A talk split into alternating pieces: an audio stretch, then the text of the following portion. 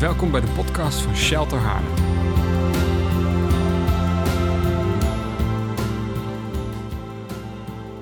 Ah, kom op zeg, een beetje...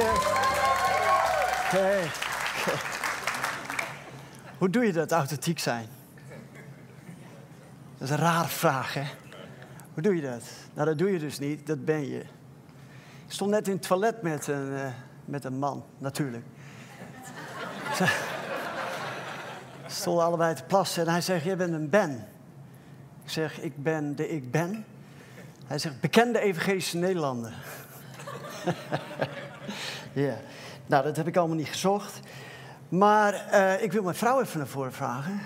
Want jij wil absoluut, zeker, zo niet, toch wel nog even iets zeggen.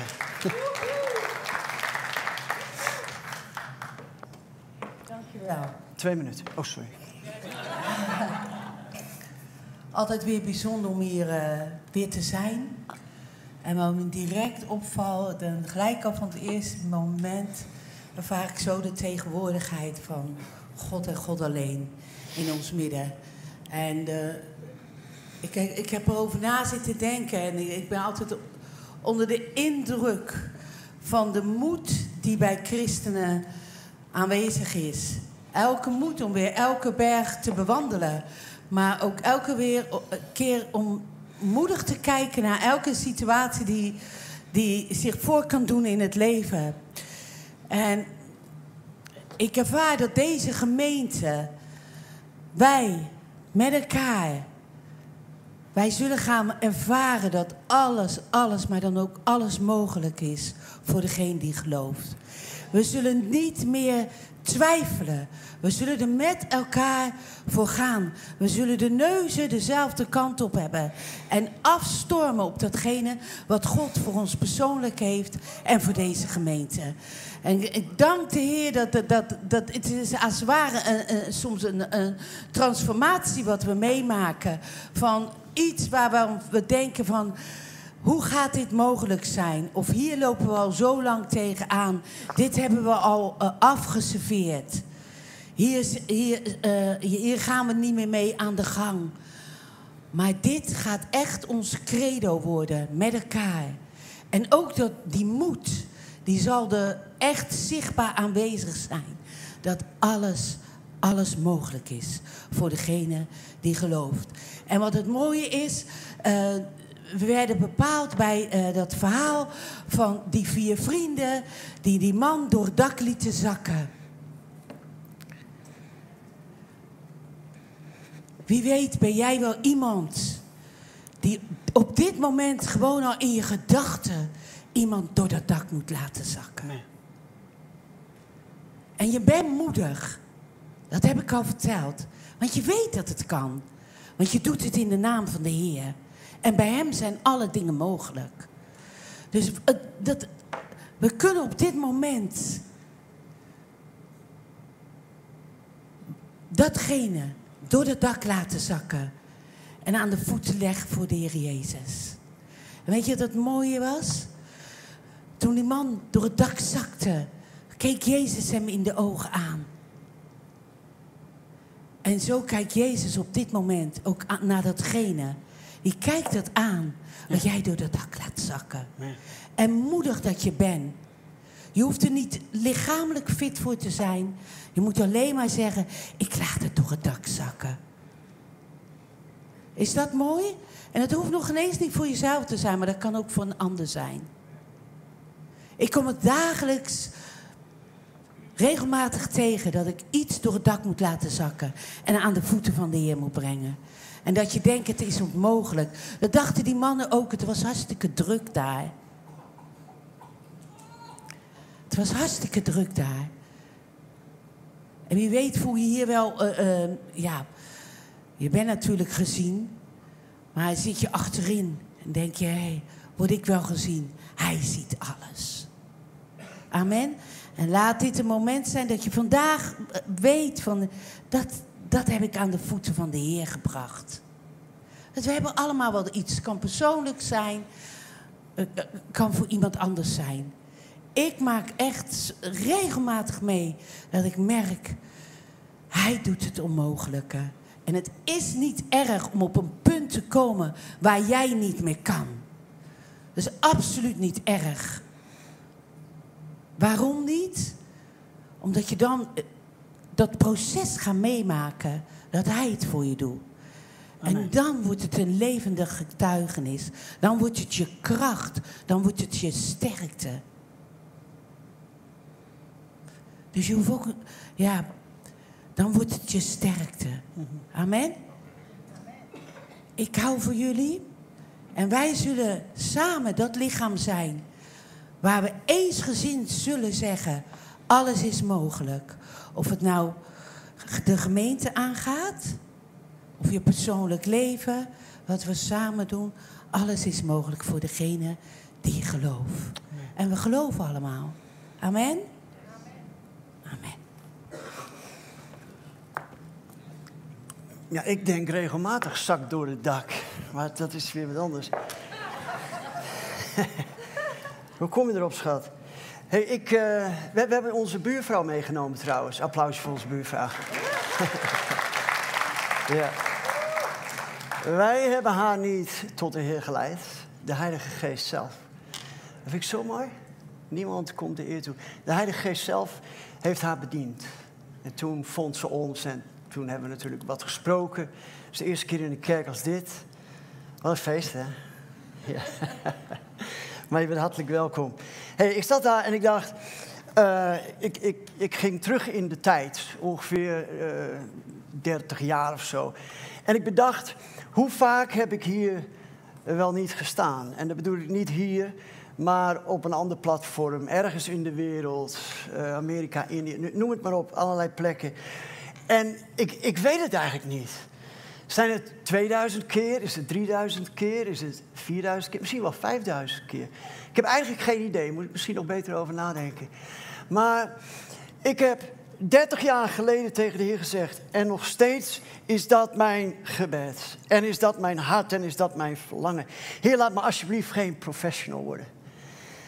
Laat het nooit een kunstje worden wat ik onder de knie krijg. Ik wil hier niet goed in worden. Ik wil niet dit zomaar even uit mijn mouw schudden. Want joh, dat doe ik nou al zo lang. En zenuwen ken je niet meer. En uh, woorden vind je ook wel.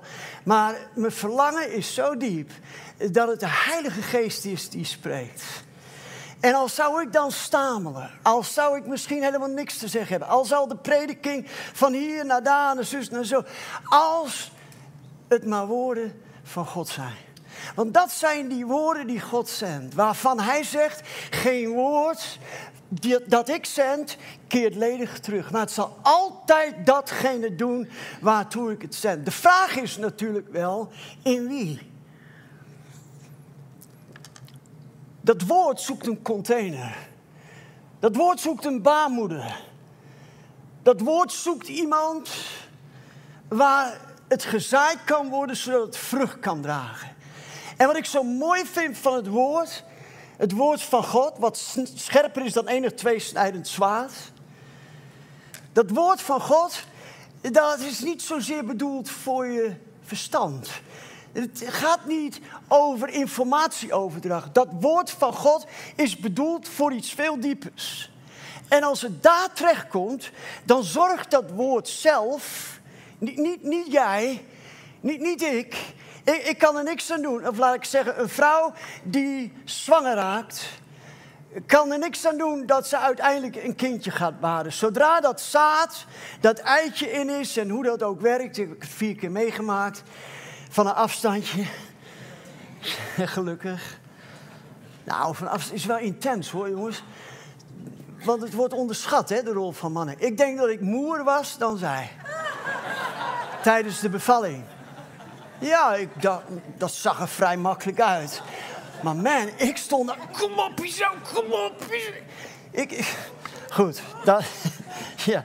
Maar als het zaadje eenmaal de baarmoeder heeft geënterd, dan kan je er nog maar weinig aan doen. Het zaadje gaat vrucht dragen. En het zaadje, als we naar Maria teruggaan, werd vlees. Toen Maria het ontving in de persoon van Jezus Christus. Dat duurde eventjes. Dat was niet meteen. Dat duurde negen maanden.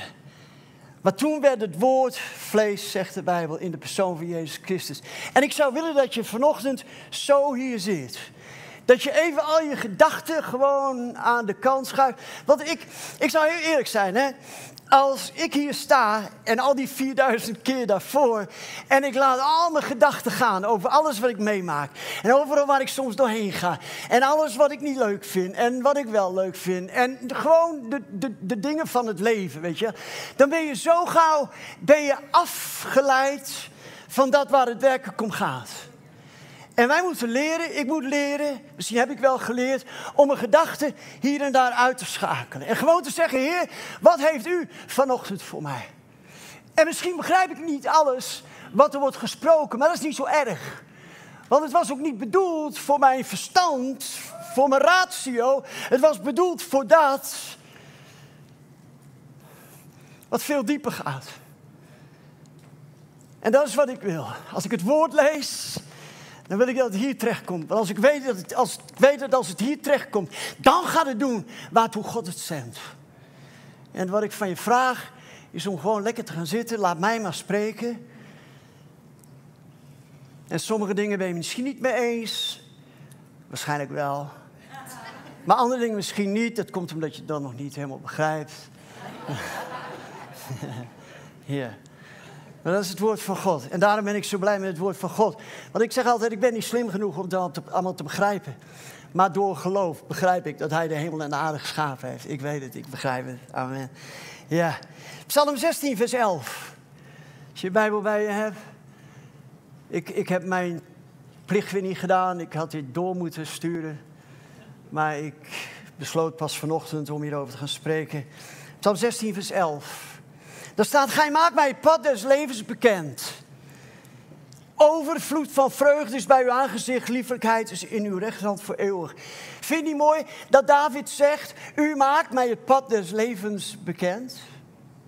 Hij vraagt het niet. Hij smeekt er niet om. Hij is niet bezig met allerlei toeters en bellen en tirantijn en noem maar op. Om, om, om, om te ontdekken wat de wil van God voor zijn leven is. Nee, hij kent God. Hij, hij kent het hart van de Vader. Hij, hij, weet hoe God functioneert. Hij weet dat God een vader is die zijn kinderen nooit in duisternis zou laten rondwalen. Het pad des levens. Het pad des levens en overvloed. Het pad des levens en succes. Het pad des levens en alles wat God voor je heeft. Daar kunnen we soms zo moeilijk over doen. Wat is mijn roeping? Wat is mijn bestemming? Wat wilt u dat ik doe? Misschien moeten we daar komen waar David ook is. Een zeker weten dat God mij het pad des levens bekend zal maken. Dat wat hij voor mij bedoeld heeft. Daar waar hij mij wil in zijn lichaam. Wat is mijn functie in zijn lichaam? Ben ik een hand? Ben ik een voet? Het probleem is dat heel veel mensen proberen te voet, een voet te zijn en die zitten onderaan een hand of aan een arm. Dat werkt niet. Je moet je functie in het lichaam vinden. Maar hij zal jou je plek in het lichaam tonen. Alles wat ik doe, en dat noem je authenticiteit. Alles wat ik doe is leven. Ik leef gewoon het leven. Ik probeer niet te zien en te denken, doe ik het allemaal goed en begrijp ik het allemaal wel. Ik ben niet bezig met allerlei moeilijke dingen die tegenwoordig allemaal op, die op internet kunt vinden. En oh wee als je het niet begrijpt. Al die duistere toestanden. Ik heb besloten om het leven simpel te leven. En weet je wat de vrucht daarvan is? Vreugde, vrede, effectiviteit. Want ineens ontdek ik, hé hey joh, zonder dat ik me besef, doe ik precies datgene waarvoor ik gemaakt ben. En hoe weet ik dat? Omdat dat me zo ongelooflijk makkelijk afgaat. En al het andere, dat kost me bergen energie. Daar word ik heel ongelukkig van. Dan denk ik, man, kijk ik naar anderen en denk ik dat ze dat kunnen, joh. Onvoorstelbaar. Ik kan dat allemaal niet. Maar ik hoef het ook niet te kunnen. Want God heeft iets specifieks voor mij. En hoe heb ik dat ontdekt? Ene voet voor de andere. Heer, u maakt mij het pad des levens bekend. Het kan niet zo zijn dat ik het mis. Het kan niet bestaan dat ik uiteindelijk jarenlang iets doe. En ik kijk ernaar en ik denk, uh, hoe zeg ik dat netjes? Verhip, geen vrucht. Heel veel energie, financiën, tijd, geen vrucht. Ik ben lui. Ik zeg, Heer, ik wil effectief zijn. Ik wil met weinig energie, in weinig tijd. En dat mag ook niet te veel kosten. Nee. Maar wil ik zoveel mogelijk bereiken. Daar geloof ik namelijk in. Ik geloof als wij het wereldpunt van God voor ons leven leven, dan is dat ten diepste vrede. Oh, dat heeft niks te maken met het ontbreken van strijd. Heeft niks te maken met perfecte omstandigheden. Heeft niks te maken dat je naar je leven kijkt en denkt, alles valt precies op zijn plaats. Wel op dat moment dat ik dat denk, dan denk ik, hé, hey, maar dat net niet. En er is altijd wel iets. En er is altijd wel iets waar ik me zorgen over zou kunnen maken. En er is altijd wel iets waar ik boos over zou kunnen zijn. En er is altijd wel iemand in wie ik teleurgesteld zou kunnen zijn. En al die dingen. Ik heb besloten, ik doe het gewoon niet. Ik heb er geen tijd voor. Ik heb daar geen zin in. Ik wil het leven leven ten volste. En hij maakt mij dat pad bekend. Maar ja, als je niet in beweging komt, dan wordt het natuurlijk moeilijker. Daarom hebben wij een caravannetje gekocht. Wij gaan Europa doorstruinen. Amen, schat. Ja, zij denkt niet verder dan Drenthe, maar ik wel hoor. zij is al blij met Drenthe. We hebben een heel klein caravannetje gekocht. Kost niks. Hartstikke leuk. We gaan hem oppimpen. Of pimpen, hoe heet dat? Tenminste, Isaura gaat het doen. Ja. Maar, maar waar ik je toe wil oproepen, is hou het een beetje simpel, lieverd. Ja, maar, nee, geen ja maar. Ah, stop nou eens met je ja maar. Hou het nou eens een beetje simpel. Er zal altijd iemand zijn die je niet moet. Er zal altijd iemand zijn die niet vriendelijk tegen je is. Er zal altijd iemand zijn die die knop weet te vinden waar jij, nou ja, en noem het maar op. En dan ben je, voordat je het weet, ben je weer deel van een strijd waar je helemaal geen deel van moet zijn. Oh man, daar ben ik ook zo goed in om geen deel te worden van strijd waar ik geen deel van moet zijn. Dat moet je niet doen. Mezelf niet bewijzen. Nou ja, goed. Ik, uh, ik vind het zo mooi. En dan zegt hij dit: overvloed van vreugde. Niet een beetje vreugde. Overvloed van vreugde is bij uw aangezicht. Lieflijkheid is in uw rechterhand voor eeuwig. Bij uw aangezicht. Zie je dat? En hoe vaak proberen wij niet onze vreugde te vinden of terug te vinden in de situatie die moet veranderen? Sommige mensen maken zich zo druk over wat er in de wereld op dit moment allemaal gaande is. Het wordt alleen maar erger. Het wordt alleen maar ingewikkelder. Ik heb gezegd, Heer, ik wil ermee leren omgaan. Ik wil leren omgaan met al die dingen die gebeuren en toch nog de vrede bewaren in u. En hoe doe ik dat? Voor zijn aangezicht is overvloed van vreugde. Lieflijkheid is in uw rechterhand. Het gaat er niet om hoe je situatie is. Het gaat erom of je leven leeft voor het aangezicht van God. En elke keer als ik mijn vrede kwijt ben, ga ik terug naar God. En bam, direct is vrede terug. Als ik mijn vreugde kwijt ben, ga ik terug naar God. Probeer ik niet continu te kijken wat ik gemist heb, maar ik kom weer in zijn tegenwoordigheid. Want in zijn tegenwoordigheid is volheid van vreugde. Oh man, ik, dat verlang ik zo naar, jongens. Een kerk die weet wat het is om te leven vanuit zijn tegenwoordigheid. Wat was het verschil met, met David en zijn broers? De broers waren helemaal verslagen vanwege Goliath. David ziet hetzelfde en zegt, wat is het probleem? Wie is die onbesneden Filistijn? Wat is het verschil? Hij kwam vanuit de tegenwoordigheid. Hij was een aanbidder. Hij was een Godchaser. Hij zocht God. Dat is alles wat hij wilde. Dat deed hij met vallen en dat deed hij met opstaan. Maar hij zocht God. En dan ziet je hetzelfde plaatje. En waar iedereen zich druk maakte, zegt hij: Sorry hoor, maar ik begrijp niet waar je het over hebt. Goh, zo mooi zijn zeg. Als je een leven leeft en je kijkt naar vroeger. Ik, ik ook, hè? ik was altijd bang dat, dat de atoombom viel. Was ik nog niet bekeerd en zo, dacht ik, nou dan ben ik natuurlijk de pineut. En dat was in die tijd met zure regen en, en, niks veranderd hoor. Het is allemaal nog steeds hetzelfde. Maar toen was de atoombom en dan zou het over zijn en weet ik veel. Maar... En ik lag op bed en ik was zo bang altijd. Stel dat het vannacht gebeurt. En weet je dat heel veel mensen hun leven zo leven? Je continu zorgen maken over wat gaat komen. Nogmaals, moet je niet doen, lieverd. Moet je niet doen. Maar dat is niet de prediking. Lucas 8, vers 34. Nou, zeg dat wel. Ah, ik vind het toch altijd heerlijk als ze dat doet. Ja, ik heb ook van die gemeentes die zeggen ze van, niet meer doen hoor. Want dat vinden mensen raar. Lucas 8, vers 43. Toen Jezus terugkeerde, wachten de scharen op hem. Want ze zagen alle naar hem uit. Oh, vandaag de dag ook, jongens. Er is een schade die naar hem uitziet, hè? Oh, wat is het makkelijk. De oogst is zo ongelooflijk super. Wit. De velden zijn wit. De oogst is rijp. Het is zo makkelijk om mensen over Jezus te vertellen. Het is zo makkelijk om voor mensen te bidden. Ik heb het nog nooit zo makkelijk ervaren als vandaag de dag. Er is een schade die naar hem uitziet. Mensen, mensen weten het ook niet meer. Wat moet je zonder God vandaag de dag? En dat wordt natuurlijk steeds nijpender. En zie, er kwam een, een man genaamd Jairus. En deze was een overste der synagogen.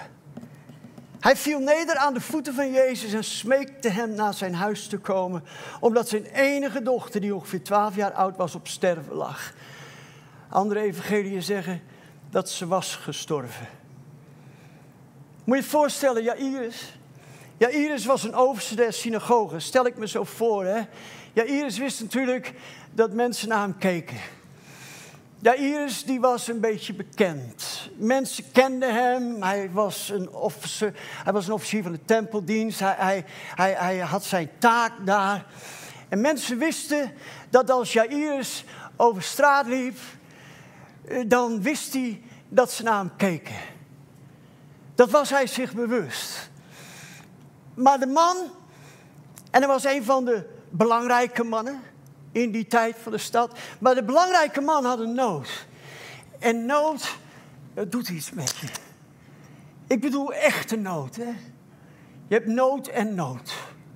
Soms denk ik, wie is die onbesneden Filistijn? Maar soms begrijp ik ook dat waar je doorheen gaat, dat dat haast niet te dragen is. Als ik naar zo'n meisje kijk, zo'n Esther, dan denk ik, jongen, jongen, jongen, dat zal je overkomen.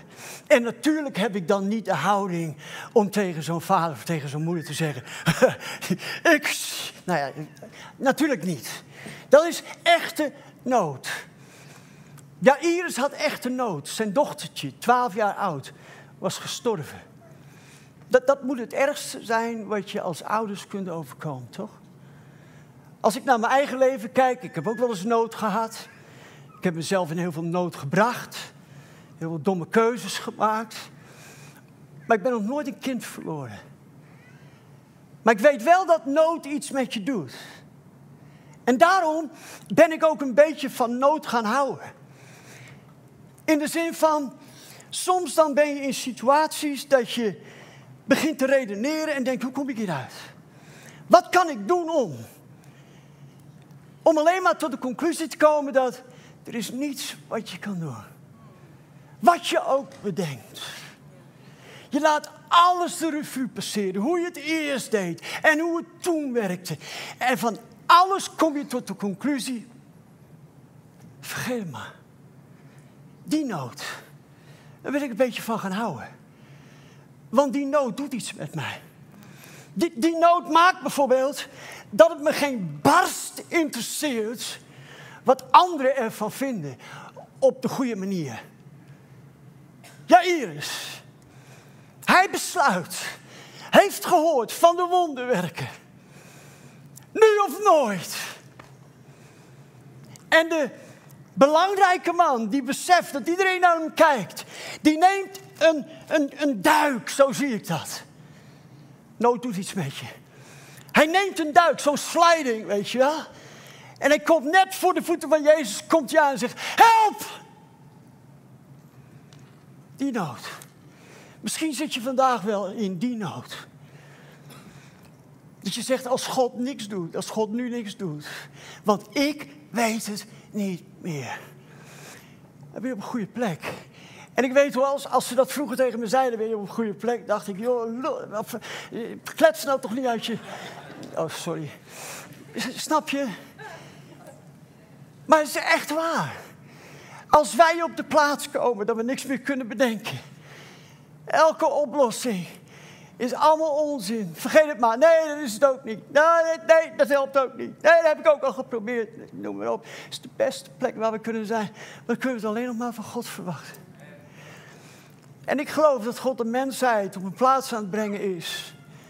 Dat ze het alleen nog maar van God kan verwachten. Sorry jongens, het werkt niet. Sorry jongens, jullie dachten dat je het alleen kon. Maar zonder mij ben je nergens. Hé hey jongens, ik heb jullie een tijdje laten gaan. Om tot de ontdekking te komen. Dat buiten mij geen leven is. Wat een genade van God. Dat hij het niet door je strot houdt.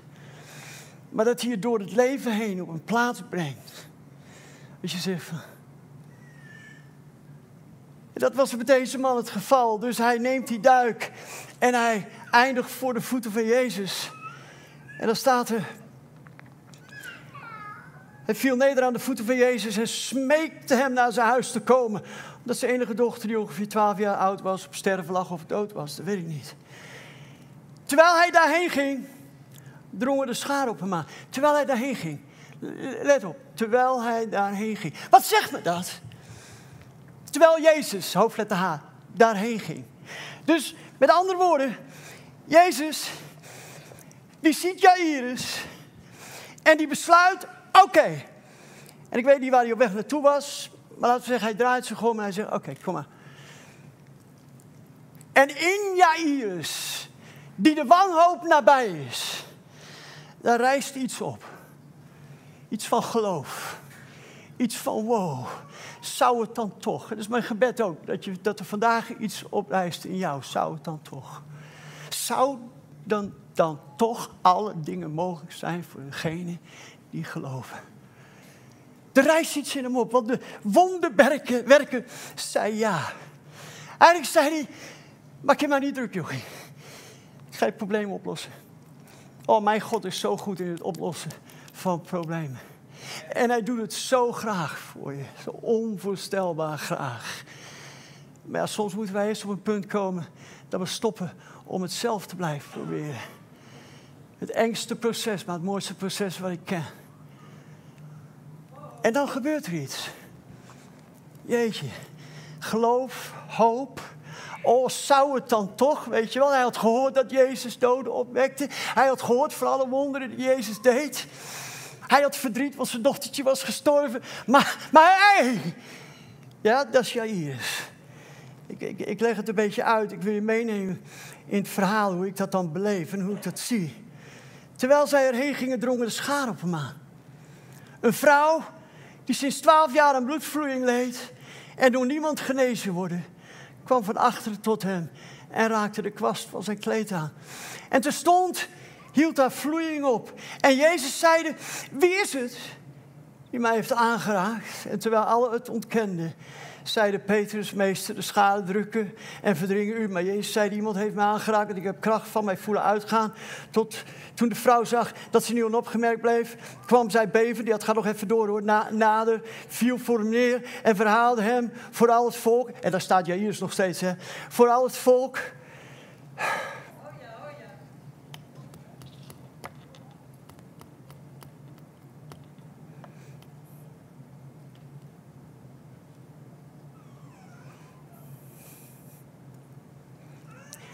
Voel je wat, voel je wat jij juist voelt?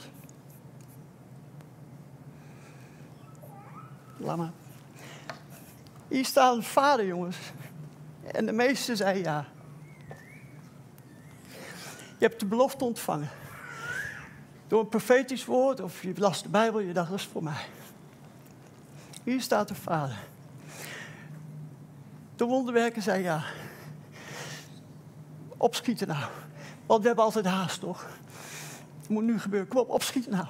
Kom op, als zijn we straks te laat. En dan geeft hij alle aandacht aan een vrouw die ook nood had. Maar sorry, daar had ik even niks mee te maken. Heb je dat wel zo beleefd? Je kreeg van al die. Ik, ik, ik ben wederom geboren in, uh, in Rotterdam. Vanuit de hoofd, uh, de hoop. Daar kwamen al die verslaafden uit de hoop kwamen dan naar die gemeente. En die maakten het ene wonder na het andere wonder mee. En daar mochten ze dan van getuigen. En dan keek ik soms om me heen en dacht ik, volgens mij denken al die mensen, waarom zij wel en ik niet. Die gasten die, die hebben er een zootje van gemaakt. Die, die, die, die, die snappen amper waar het over gaat. Heb je dat wel eens gehad? Dat je de getuigenis hoorde van genezing en jij dacht, ja, maar ik dan? Zo stond jij eerst daar. Ik heb dat wel eens gehad. Allemaal van die financiële wonderen. Later maakte ik ze zelf ook mee. Maar dan dacht ik, ik weet niet hoe ik rond moet komen. En een maakt dit mee en dat mee. Allemaal leuk en aardig. En als goed christen wil ik best blij met je zijn of doen alsof. Dat kon ik toen nog heel goed. Nu niet meer zo. ja.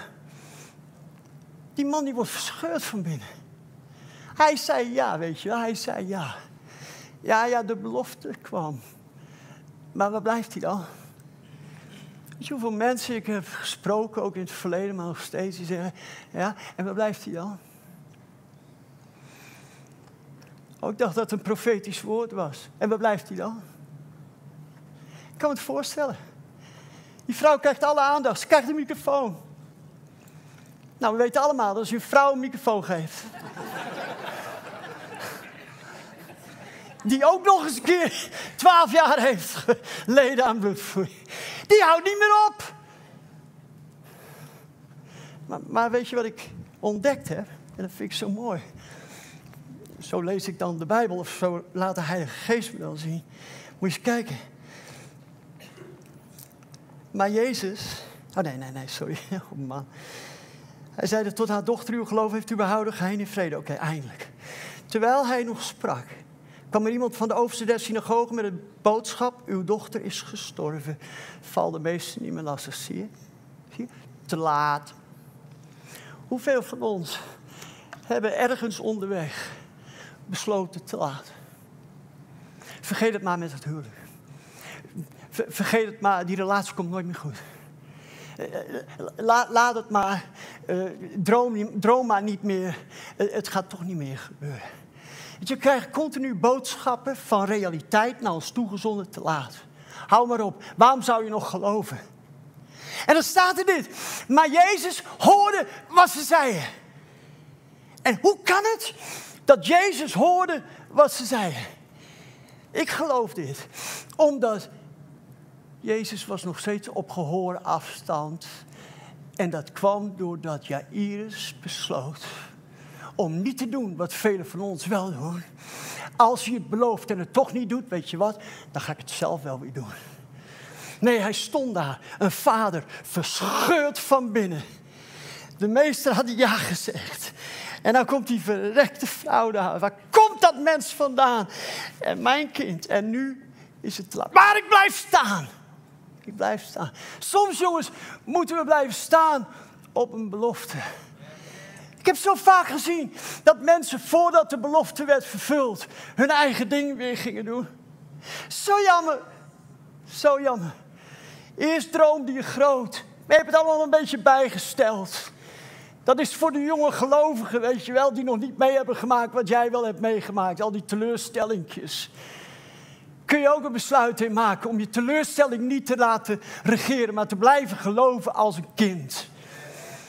Ik blijf geloven als een kind. Of ik het nou zie of dat ik het nou niet zie. Of het of zich manifesteert of het manifesteert zich niet. Ik blijf geloven als een kind. Dat is een besluit. En Jairus, die besluit om niet weg te lopen. En, en Jezus is klaar met de bloedvloeiende vrouw die alle aandacht krijgt, hoe liefdevol. En er is niks in Jezus van, oh, oh, oh jee, ja, dan ben, ik ja, Iris vergeten en zijn dochtertje wel. Nee joh, denk je nou echt dat God jou vergeten is? Kan die niet eens. Zo is die niet. En dan zegt hij, oké, wat zeggen ze daar? En, en dan krijg je die woorden van ongeloof. Moet je kijken. Oh jongens, als je door met nood getroffen wordt, zorg dat je je omringt met mensen van geloof, hè?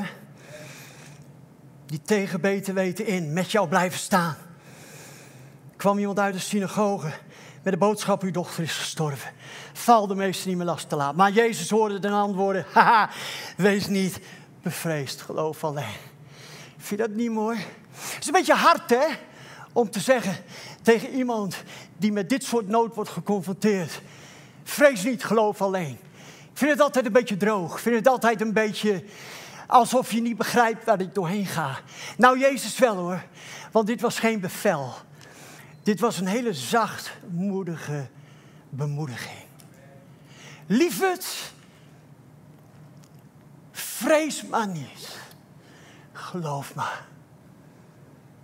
Ja, maar het is ja, voor jou te laat, maar voor hem niet. Hij komt altijd precies op tijd. Vrees niet, geloof alleen met andere woorden. Laat ze maar kletsen, want ze weten niet waar het over gaat. Soms moet je al die mensen laten kletsen, want ze weten niet waar ze het over hebben.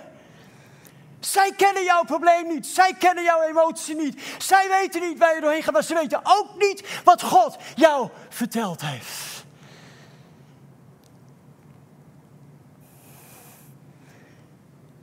Wees niet bevreesd, geloof alleen. En zij zal behouden worden, genezen worden. Toen hij aan het huis gekomen was, stond, er, stond hij niemand toe met hem naar binnen te gaan dan Petrus, Johannes en Jacobus en de vader van het kind en de moeder. Zie hoe selectief Jezus is. Niet iedereen kon zomaar meegaan. En hij gaat nog verder. Allen nu weenden en weeklaagden over haar. Wist je dat je die gasten kon huren in die tijd? Professionele huilers. Echt waar, tegenwoordig hoef je ze niet te huren. Ze jump boven op je schouders niet oppast. Met van die, van die witte zakjes, van die, van die papieren zakdoekjes. Toen ik voorganger was in onze kerk werd heel veel gehuild.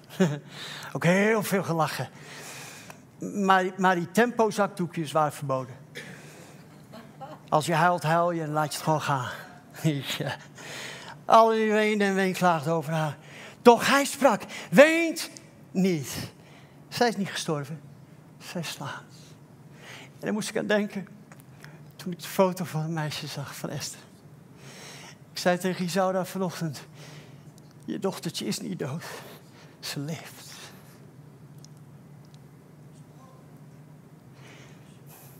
Je huwelijk is niet over. Je droom is niet uiteengespat. De belofte van God is niet ver weg om zich nog steeds te manifesteren in je leven. Plan A is niet vervangen door plan B. Je hoeft niet met minder genoegen te nemen dan alles waar God aan dacht toen hij je formeerde in de baarmoeder van je moeder. De droom die God over je leven had, die droomt hij nog steeds. En er is nooit een moment geweest dat hij hem bijstelde, om wat voor reden dan ook. Je dochtertje is niet dood. Het lijkt wel zo. Oh, het lijkt allemaal wel zo. Oh ja, als je met natuurlijke ogen kijkt, dan ziet het er wel zo uit. Als je reëel bent, dan heb je wel gelijk. Maar soms moet je niet te reëel zijn. Bovennatuurlijk is niet reëel. Wonderen zijn niet reëel. Wonderen zijn wonderen. Wat God wil doen, zijn wonderen. God wil de tijd inhalen. Er is geen verloren tijd. Ik dacht altijd, oh, was ik maar tot geloof gekomen toen ik 17 was. Nu heb ik eerst al die gekke dingen gedaan, drugs gebruikt, noem het maar op. En pas toen ik 29 was, toen zei God, wil je daarmee stoppen, lieverd? Want je hebt geen tijd verloren. Ik ben degene die de tijd inhaalt. En ik leef in plan A voor mijn leven. Waar hij aan dacht toen hij me formeerde in de baarmoeder van Jantina van Den, uh, Veldman van Den. Ja. Maar ze lachten hem uit. Ja, natuurlijk. Als je niet weet wat het over gaat. Als je niet gelooft in wonderen. Als je niet gelooft wat hij zegt, dan klinkt het ook stom. Omdat zij wisten dat zij gestorven was. Met andere woorden, wees reëel. Ik ben zo vaak om oren geslagen met wees reëel. En zei ik altijd nee. Wat is dat nou voor onzin? Wees reëel. Doe eens even normaal, joh. wees reëel. En zij lachten hem uit omdat hij wist dat zij gestorven was. En een geest. En toen stuurde hij ze weg, hè. Soms moet je de huilers uit je leven wegsturen. Soms moet je hen die alleen maar met je meeleven, maar niet met jou geloven, moet je even uitzetten. Even geen invloed in mijn leven. Ik heb mensen nodig die met me in geloof staan. En haar geest keerde terug en zij stond dadelijk op en hij bevalde het man enzovoort. Jij zit hier, hè? En ik weet het wel. Jij zit hier. En je situatie ziet er helemaal niet zo rooskleurig uit. Misschien lijkt je kindje wel gestorven. Misschien word je wel boos zelfs van binnen. Dat je zegt, hoe kan hij dat nou allemaal zeggen? Als hij zou weten. Hij weet, hè. Hij weet. En zijn woord is, lieverd, je kindje is niet dood. Ze slaapt. Dit, zei ik ooit ergens in Zeewolde. En later hoorde ik dat er een mevrouw was, een, een, een, vrouw, die een paar weken daarvoor haar kindje had verloren. En die hoorde mij dat zeggen. Ze zegt, ik kon je wel van het podium afsleuren. Begrijp ik. Begrijp ik. En toch zeg ik het. Het kindje is niet dood. Het lijkt alleen maar zo. De toekomst ziet er niet zo zwart uit. Het lijkt alleen maar zo. Je moet je niet bezighouden met dingen die alleen maar zo lijken. Je moet je richten op dingen die zo zijn. En dat hoor je daar. En dat hoor je niet hier. Als je je vult met alles wat internet zegt over de tijd waarin we leven, kun je daar niet meer horen. En je moet hier horen. Want hier hoor je wat anders als dat je hier hoort. En wat je daar hoort, met wat je daar hoort, leef je leven hier. Alles is mogelijk voor degene die gelooft. Kan me niet schelen wat mijn situatie zegt. Kan me niet schelen wat jij zegt. Kan me niet schelen wat mijn ervaring mij geleerd heeft. Alles is mogelijk voor degene die gelooft. En is dat moeilijk? Moet ik dan uh, geloven, geloven, geloven? Is het makkelijkste wat er is. Als een kind het kan, kan ik het ook. Geloof is het makkelijkste wat er is. Als een kind het kan, kan ik het ook. Ik heb het nog nooit zo gezegd, maar ik vind het wel leuk. Moet het wel verrekte makkelijk zijn. Maar jij hebt heel groot geloof, Klaas.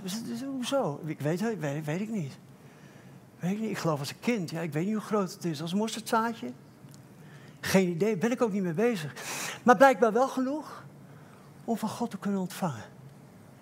En dat is mijn gebed, wat je vandaag ook nodig hebt. En hoe je situatie er ook uitziet. En wat je realiteit ook zegt. En hoe je droom ook uiteengespat is. En hoe je ook ooit hebt verlangd. En dit is een woord van de Heer. Hoe je ook ooit hebt verlangd om te functioneren in de bediening. En dan even voor het gemak, bediening als in het prediken van het woord. Want dat is wat God me laat zien. Er zijn hier een aantal mannen, er zijn hier een aantal vrouwen. Je hebt verlangd, nou, je, je weet dat je ervoor gemaakt bent. Het is nooit langsgekomen, het is nooit gebeurd. Maar het is niet te laat. God wil deuren voor je gaan openen. Ik wil een oproep doen, mag dat? Mag dat nog? Mag dat ook met muziek nog? Ja? Muziek? Zijn die er nog?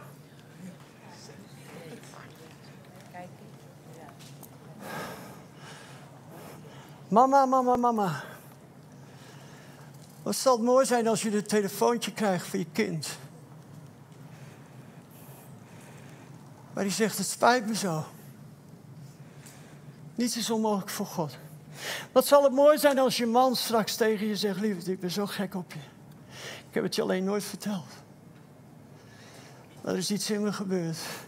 En je huwelijk raakt hersteld. Het zal het mooi zijn als de hoop die vervlogen is.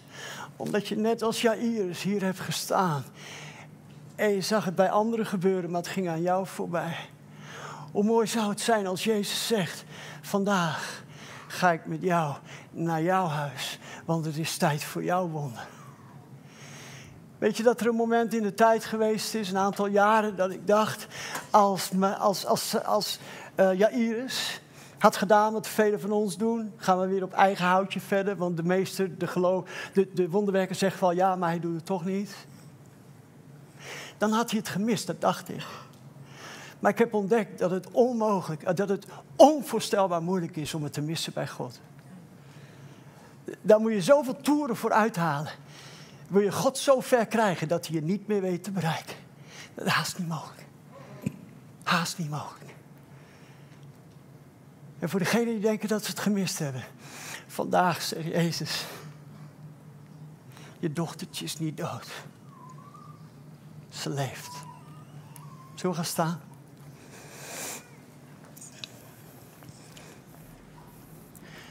Heilige Geest wil hier mensen aanraken. Een aantal moeders die verdriet hebben vanwege hun kinderen.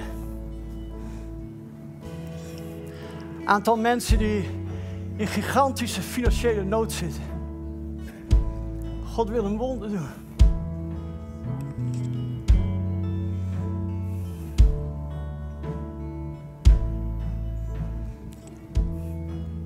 Iemand iets met, met een kaak. Ik, ik, weet niet precies wat het is, maar iets met een kaak. God wil je aanraken. Wil God nog steeds kanker genezen? Kan hij nog steeds kanker genezen? Kom maar naar voren, ga voor je bidden. We gaan God geloven voor de meest krachtige wonderen. Kom maar naar voren als je wil. Heilige Geest wil je aanraken. Kom maar, als je aanraking van God nodig hebt. Als je nieuwe hoop nodig hebt. Nieuwe visie. Herstel in relaties. Ik hoorde Heer zeggen, lieverd, je hoeft niet langer te pretenderen. En je hoeft jezelf niet langer op de been te houden met allerlei kunst en vliegwerk. En te doen alsof je het nog wel redt. Want je redt het niet meer. Het gaat niet meer. En het is goed om dat toe te geven. En je te laten vallen in de liefdevolle armen van Jezus. Het is over met sterk zijn in je eigen kracht. Er zijn hier mensen, je bent zo back af. Van de strijd, van de moeite, van de tegenslag, van het vechten. En de Heilige Geest zegt: laat ze komen, want ik wil ze verfrissen en ik wil ze nieuwe kracht geven.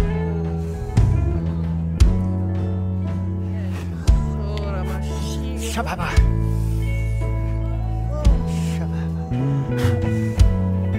Ik weet niet of jullie vangers hebben, of jullie daar aan doen.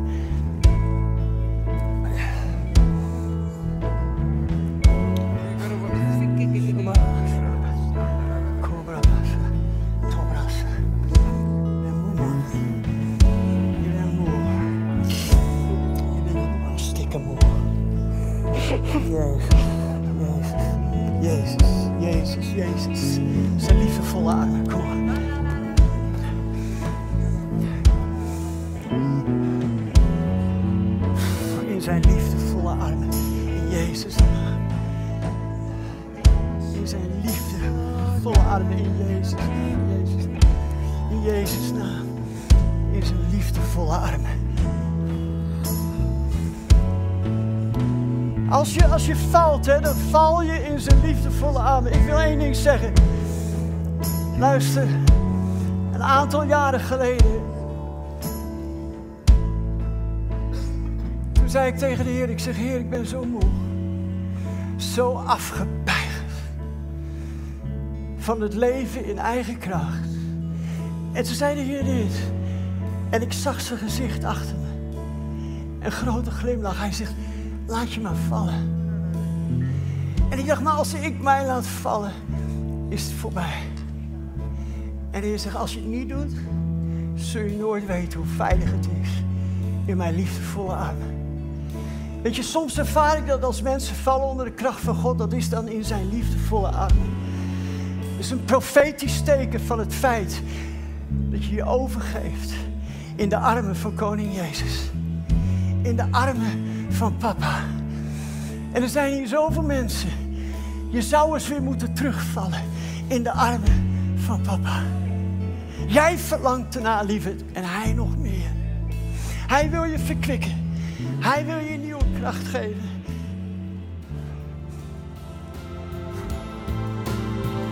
Dank voor het luisteren naar onze wekelijkse podcast.